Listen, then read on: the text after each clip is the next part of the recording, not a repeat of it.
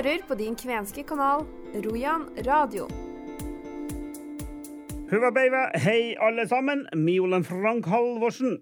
Høsten er på full fart fremover, og den andre sendinga i september blir nå innholdsrik. Vi skal også i dag ha masse kvenske saker. Hva er kvene? Hvordan definerer du kvener? Nå, det er jo norske namnet på tornedalingar. Det er kvene. Så enkelt Så enkelt er det. Ja. Hva er egentlig en kven? Spørsmålet stilte jeg i sommer til en ekte tornedaling som driver med slektsforskning. Hva han svarte, det får dere vite i dagens sending, der vi også skal tilbake til Øvre Tornå. Gule Perli blir viktig i dagens sending etter storslåtte forestillinger sist helg i Nordreisa. Vi var selvfølgelig til stede. Vi har også mange andre kvenske saker på sendeplanen, så det er bare å følge med. Velkommen skal dere være. Først drar vi til Sutama, Eventyrlandet og årets utgave av Gule Perli, som ble arrangert sist helg ved Kvengården i Tørfoss i Reisadalen. Jeg gir ordet til vår mann Pål Vegard Eriksen, som tar dere med på spelet, der han snakker med masse folk om deres opplevelse.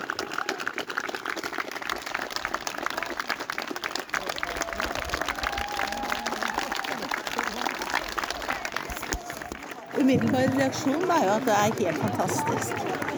Altså, se de kulissene. 20 varmegrader. Og en fortelling som er helt fantastisk. Ja, nei.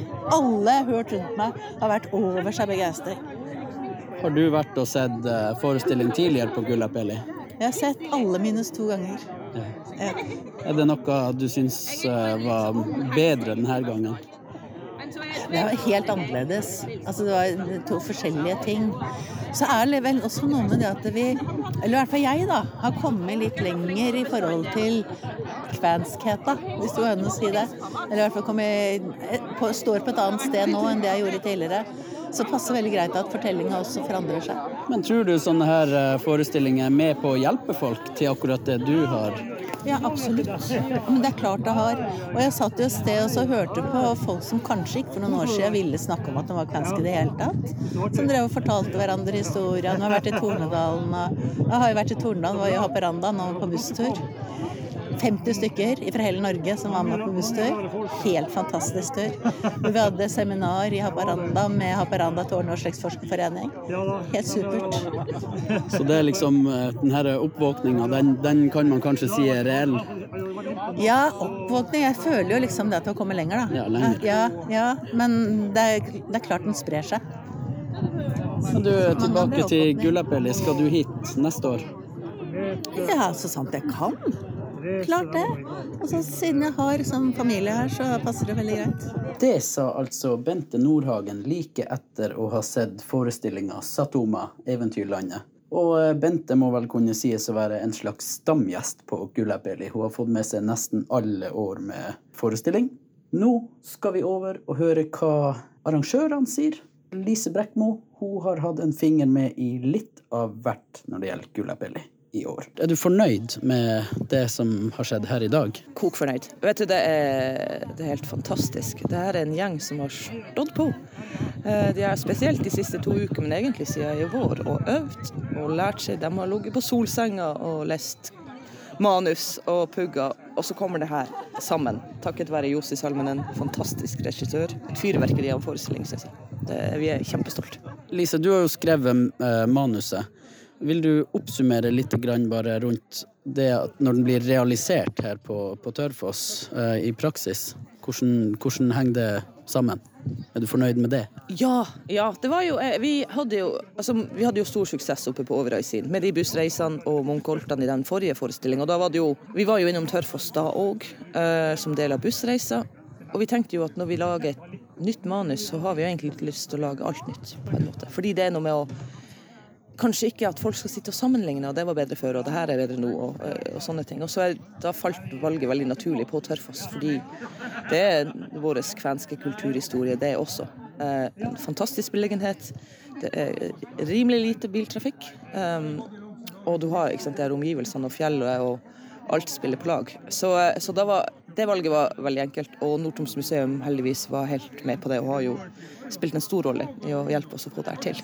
Jeg syns jo dere har klart å få språket ganske sentralt i det her på forskjellige måter. Dere har både gjennom tale og musikk og historie, og jeg regner med at alt det her er bevisst? Ja, for det, det, det er jo Vi har jo brukt tradisjonsmusikk uh, veldig ofte. Nå har vi jo en del spesialskrevet musikk, brev fra Amerika, og vi har tilpassa musikk og oversatt til kvensk. For vi, som vi har sagt, vi kan, vi kan egentlig ikke forvente et, et teaterpublikum publikum enda som snakker flytende kvensk. Kanskje om 30 år håper vi på det. Eh, men det der å gjøre publikum vant til å høre kvensk og være Det høres helt feil ut, utsatt for det. Eh, men de skal høre det, og så skal det være en naturlig del av det.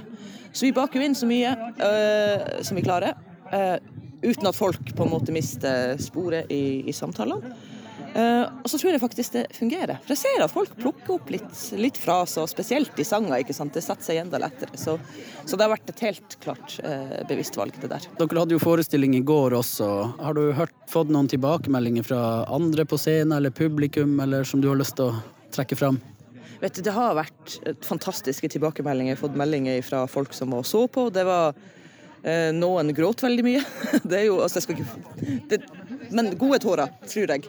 Eh, veldig mye latter. Og folk har meldt tilbake at det er en veldig frisk forestilling som inneholder alle slags følelser. Så til hele spekteret er til stede. Og så vet jeg at spelkoret er kjempelykkelig og stolt med god grunn. De, eh, de storkoser seg. Og vi har jo òg veldig god hjelp fra Halti Kvenkultursenter, museet, Husflidslaget og Hilde Lund.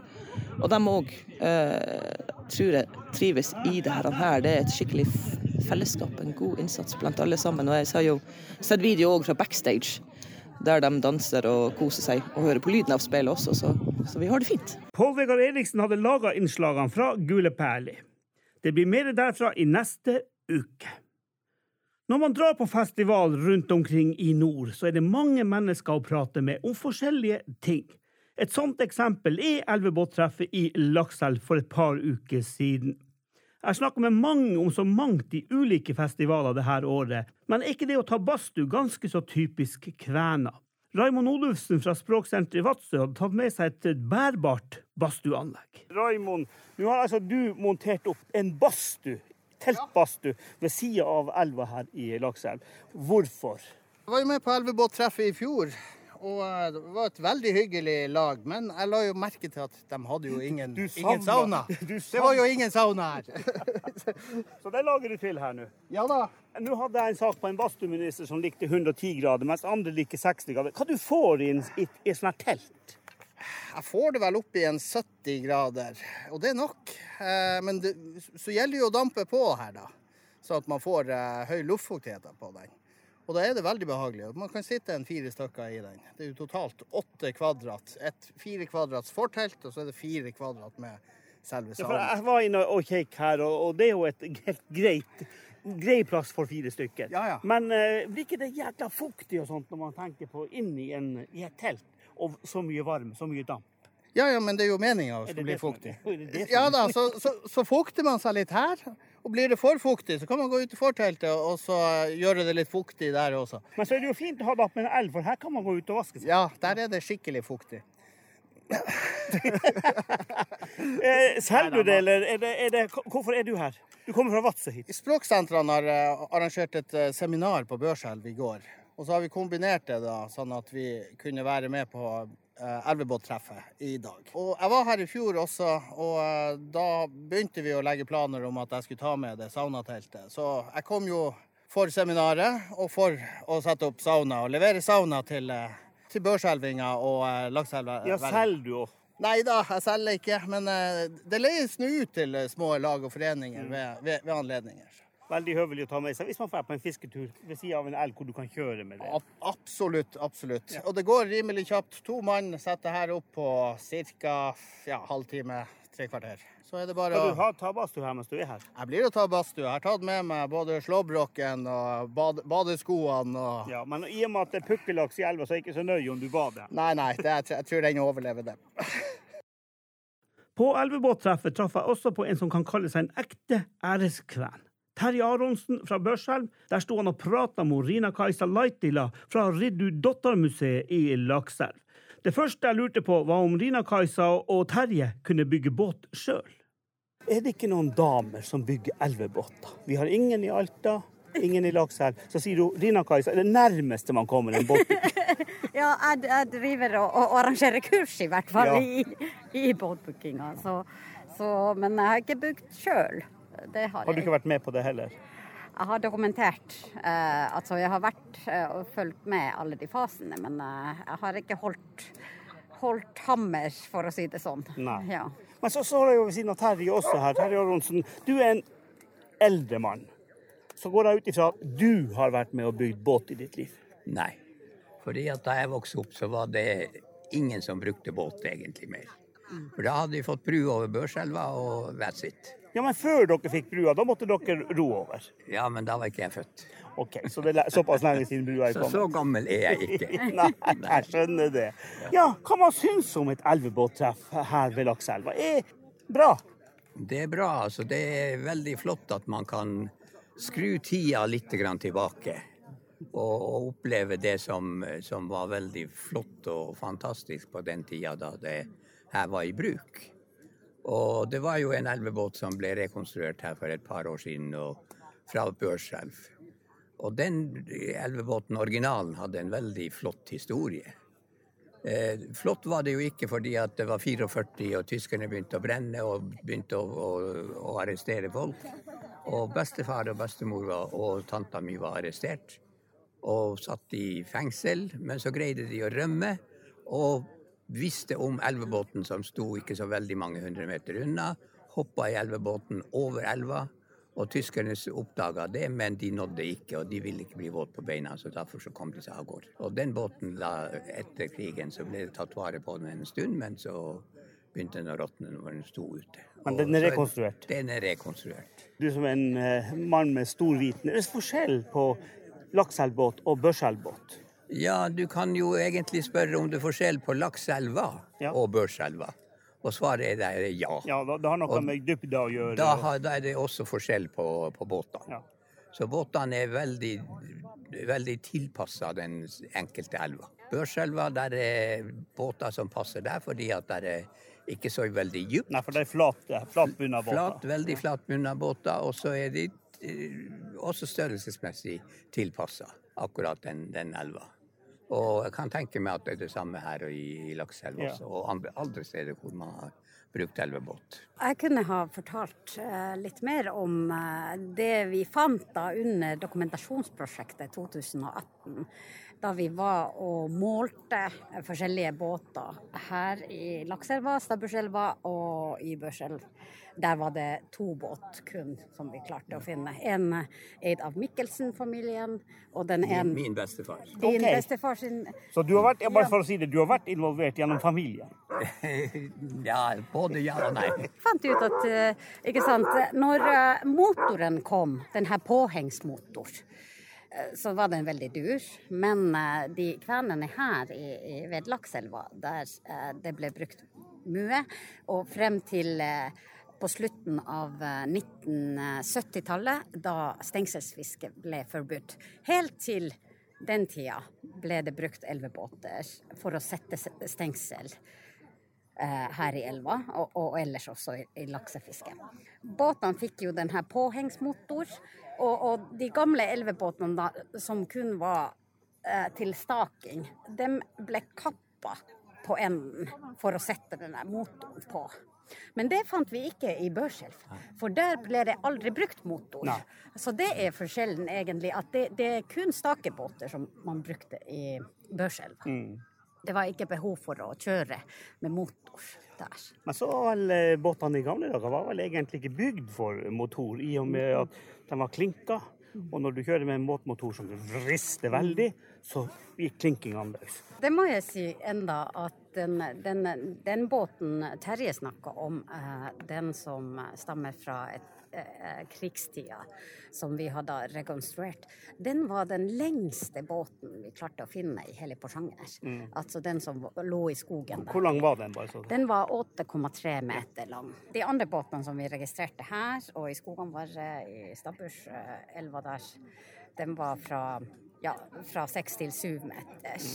Men eh, så har jeg hørt han Sverre Oppdal Han fortalte at hans bestefar skaffa seg en elvebåt som han ble bygd her av Rauti, som bodde her i nært elvemunninga. Og den var ti meter lang.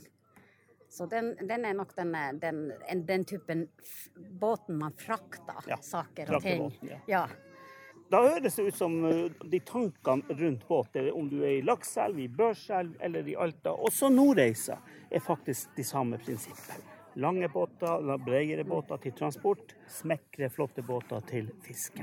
Det stemmer nok det. Ja, Så kan jeg jo si også at den der Børselbåten Børselvbåten som ble rekonstruert, den var det da eh, bror til min bestefar som egentlig eide den. Og min bestefar hadde jo den andre båten igjen, den som Mikkelsen-familien har nå. Men uh, vi kan vel kanskje ikke dra så langt og si at du kommer fra en båtbyggerfamilie?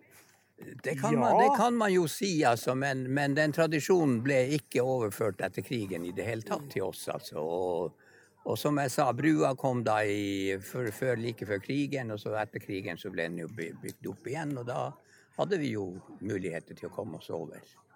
Og så kom vaderne også, og da vada vi over. Så brua og vaderne ødela hele din båtbyggerkarriere. Du hadde tanker med brua og vader. det var nok atskillig større ting som, som ødela det. Ja. Så det var det. Vi skal nå få litt nordnorsk musikk. Her ved Unit 5 og låta 'Nordlending'. Etterpå skal vi høre at Rina Kajsa kan tenke seg å lære seg elvebåtbyggerkunsten. Jeg er nordlending, jeg.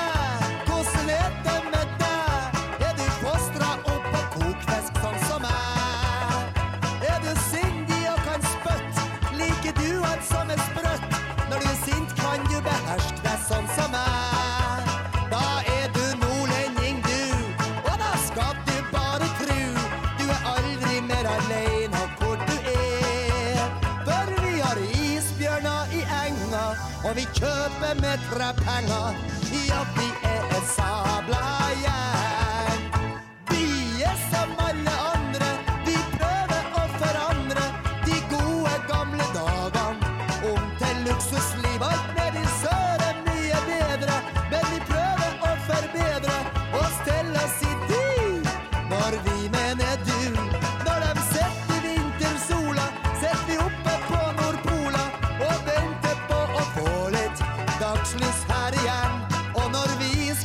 Kjøre taxi, må vi reinsdyr ifra Masi. Ja, vi er et sabla gjeng. La, la, la, la.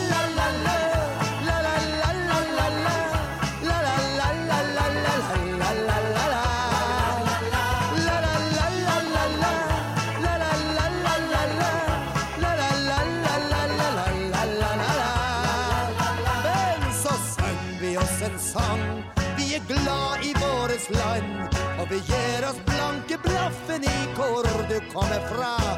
Kom fra øst og sør og vest. Jeg tror aldri du er best. Vi er alle sammen like mye god. For jeg er nordlending, jeg. Hvordan er det med deg? Er du fostra opp på tørrfisk sånn som meg? Er du sindig og kan spytte? Liker du alt som er sprøtt? Når du er sint, kan du beherske deg sånn som meg.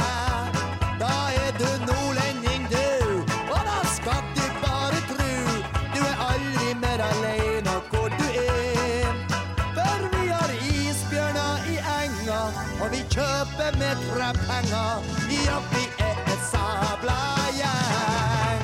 La-la-la-la-la-la. La-la-la-la-la-la.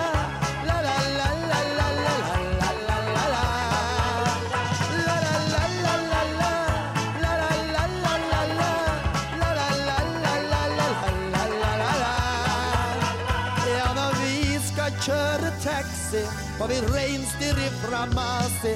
Jobb sabla gjeng. Hei! Ina Kajsa, du sier at hvis det blir flere kurs, så tar du med hammer og spiker og sag, og da stiller du opp. ja, da må jeg nesten gjøre det. Hvis vi får det til. Men nesten, det, det, det var dårlige garantier, syns jeg. Nesten, det holder ikke. Nei, Jeg har ikke, ikke helt trua på mine sånn snekkerkunnskapene mine, men, eh, men man kan jo prøve alt. ja. Det er jo lov. Og så Ja. går det jo an å være sammen med en annen. Ikke? Ja, en en- annen som, Mm. ja. Ja, det kunne ha vært en løsning. At hvis jeg kunne jobba sammen med noen. Ja. For Vanligvis er det jo sånn at når du går på et kurs, så bygger du ofte hver sin. Ja. Du kan bygge sammen med en annen. Ja, det var bare et tips. Det, ja, det hadde vært en løsning for meg, i hvert fall. Ja. Jeg tar mange steg tilbake og til Baskevika, som var i sommer. Der lagde jeg en sak med en kar fra Hardanger som har flytta nordover for å prøve å bevare lyngshesten. Jeg heter Gjermund Vik. Gjermund Vik, men du er ikke fra Nordreisa, det hører jeg. Nei, jeg er fra Hardanger. Ja. Fykse i Hardanger. OK, Fykse, det, og det vil si at det, du kan med hester?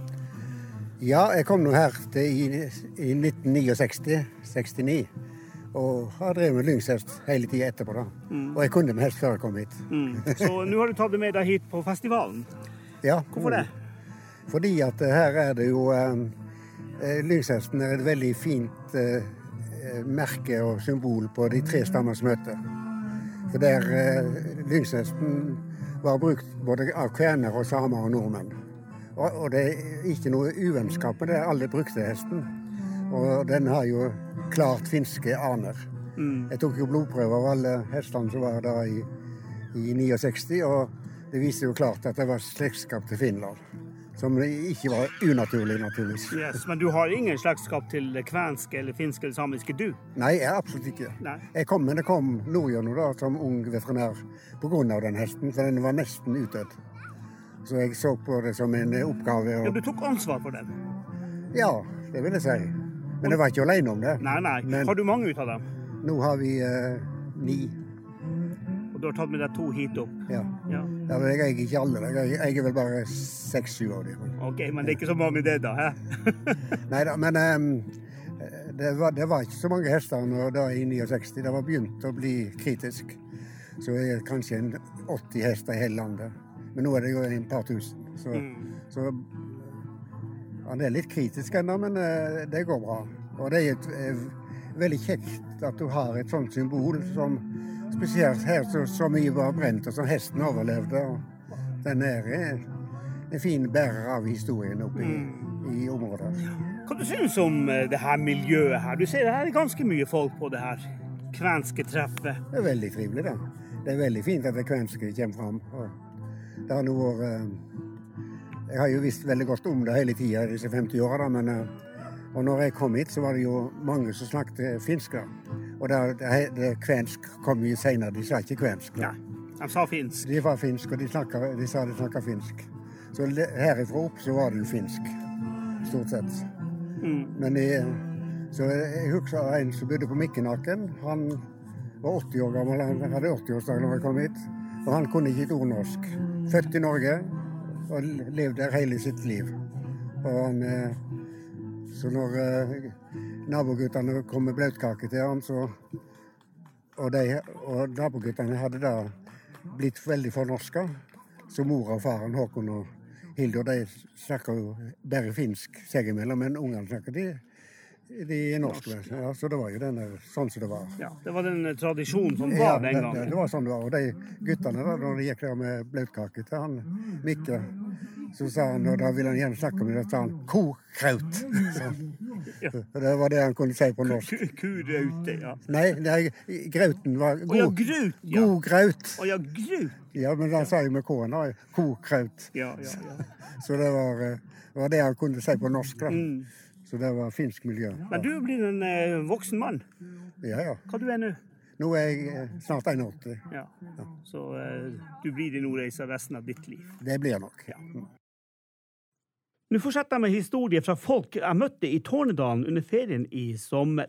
Da jeg var på Nordkalottmuseet i Øvre Tårnå, traff jeg slektsforskerne Tage Bukt og Thomas Simu i Matarengi forskerforening. Jeg har på forhånd funnet ut at noen av mine forfedre het Kurtelius, eller Kurtilus som jeg trodde de het. Så feil kunne jeg ta. Det sa Thomas Simu i forskerforeninga til meg at han i løpet av kort tid fant ut at vi faktisk to er i familie langt uti der. Da begynte spørsmålene fra meg å hagle. Jeg trodde det het Kurtilus, men det heter Kurtelius. Ja, Hvor kommer de inn her? For det var jo min familie. ja, ja men jeg har, jeg har jo Grape. og da kommer jeg via Grape inn i... i Okay. ja, og Tornberg kommer også inn. Tornberg var jo prest her i, i kyrkan. Och han blev ju den här Tornberg som var gift med en Kurtelius. 1717 så var ryska kosacker och härjade här i Tornedalen. Då var de och- och stal kyrksilvret och misshandlade kyrkoherden så svårt så att han avled några dagar efter. Jeg ser han heter jo Nikolai Tørnberg. Ja. Nikolai, det høres russisk ut. Ja, men han var ju inte ryss. Han kom nog lite från södra Finland. Tolki 209. Du ser de heter Henrik her, og Ja, ja, ja. Och på Tolki finns det mycket det där Anud. Anud. Anundsson. Ja. Så... Brita, ja. ja, Brita Anundsdotter. Och Britas pappa Anud. Kurt, Anud Brita, altså Kurtilius, Kurtelius. Um, Det der Kurtelius-navnet, nå tok jeg ikke med de papirene helt tilbake. Men det var jo masse som het Kurtelius. ja, ja. Brita Kurtelius, det har jeg hørt det navnet der. Er det Brita her som er Ja. Her, her, har du Olof, Anud Olofsson Tolki. Han er jo Brita som gifte seg med Samuel Simonsson Myljander. Han var typ... Han var ikke prest, men han var lite lærer. Ja, kapellan, ja. Ja. I, i heter han igjen. Ja. Ja. Og sen gifte han om seg med... Isak, de her navnene har jeg sett Ja, han, i, i mitt slektstre. Isakus Nej, Clement- vänta nu. Hon gifter om... Han dör nog säkert den här första. Och då gifter hon om sig med honom. Så att eh, du kan ju vara ättling till antingen honom eller honom, det vet jag inte. Nei, men det er Isakus eh, Clementis Curtilus, det navnet der går igjen i mine Ja, papirer. ja, nå, då är du ättling till honom då. Ja, Men han har inte gått framåt på den här, men, bakåt går det ju att komma. ja. Den här fungerar ju så att du, du är på tabell 7 och Anund kommer fra tabell 6. Nå går du inn på tabell 6.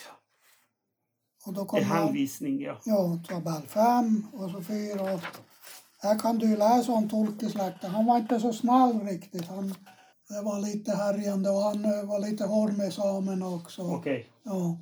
Tålte ikke samene? Nei, men altså, han behandler dem ikke bra. Nei, skjønner. Nej. Nei da, men da har vi funnet noe der også. Curtelius, som jeg alltid har sagt Kurtilus. Derfor så sier jeg, heter jeg Frank. I stedet for å hete Frank Halvorsen, så kunne jeg hete Kurtelius. eller jeg kunne Ja, ja. Eller Conny. Hun, hun, Unni der, hun har jo tatt det där Ja, jeg skjønner. Hun, hun ville jo ha et tornedalskt navn. Men Conny, det går igjen i hans bok også her. Ja, ja. Når man først er i Tornedalen, så kan man ikke unngå å spørre en tornedalsværing hva er egentlig en kven, sånn som dem ser det. Thomas Simu forteller her hva han tenker om det spørsmålet. Hva er kväne? Hvordan definerer du kvener? Nå, det er jo norske namnet på tornedalinger. Det er kväne. Så enkelt Så enkelt er det. Ja. Har dere forståelse for at man bruker ordet kvener? Jo, det, det har jeg jo. Men man skal ikke forsøke å få det til noe konstigt folkslag eller... Nei. Men så er det jo noen hjemme i Norge som sier at kvener det er bare tull. Det er finlendere. Ja, eller tornedalinger. Eller tornedalinger Ja. som kommer. For Jo, det er jo jo. fullt av dem. Jo, Det er jo jo. fullt. Ja. Er det bare tull? Er du finlender, eller, eller er du svensk, eller er du kven eller nordmann? Har det noe å si, tenker du? ja. Er du kvän så har du røttene i Tornedalen. Ja, det er så enkelt. Ja. Denne grensen har ikke vært varit en gräns för 200 år. För 200 år sedan. Då var det ju... Alt var svensk. Ja. Men även om de drog en gräns här så har ju folk gift sig kors och Ja, ändå. ja. Men er dere både finsktalende og, og svensktalende, du for eksempel? Ja. Du pratar begge deler? delar? ikke kanske inte finska men meänkieli. Du prater miengeli? Ja. Ja, hva er miengeli for folk som Ja. ikke forstår det? Nå, det er litt mer innblandet svenska i finska. Lastibili.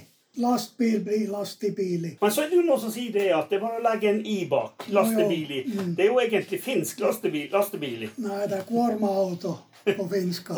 OK, så det får se. En, en finländare förstår ju inte, han skulle börja bara skratta åt det. Men egentligen så är meänkieli äldre än finska språket.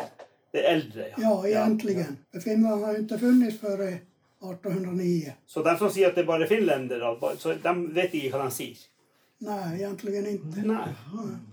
Det sa Thomas Simu. Jeg er tilbake 21. september klokken 1100 til en ny sending. Mitt navn er Frank Halvorsen. Ansvarlig for denne sendinga er Rojan Gaiko-redaktør Arne Hauge. Frem til da ønsker dere alle sammen en strålende uke. Hyvesti!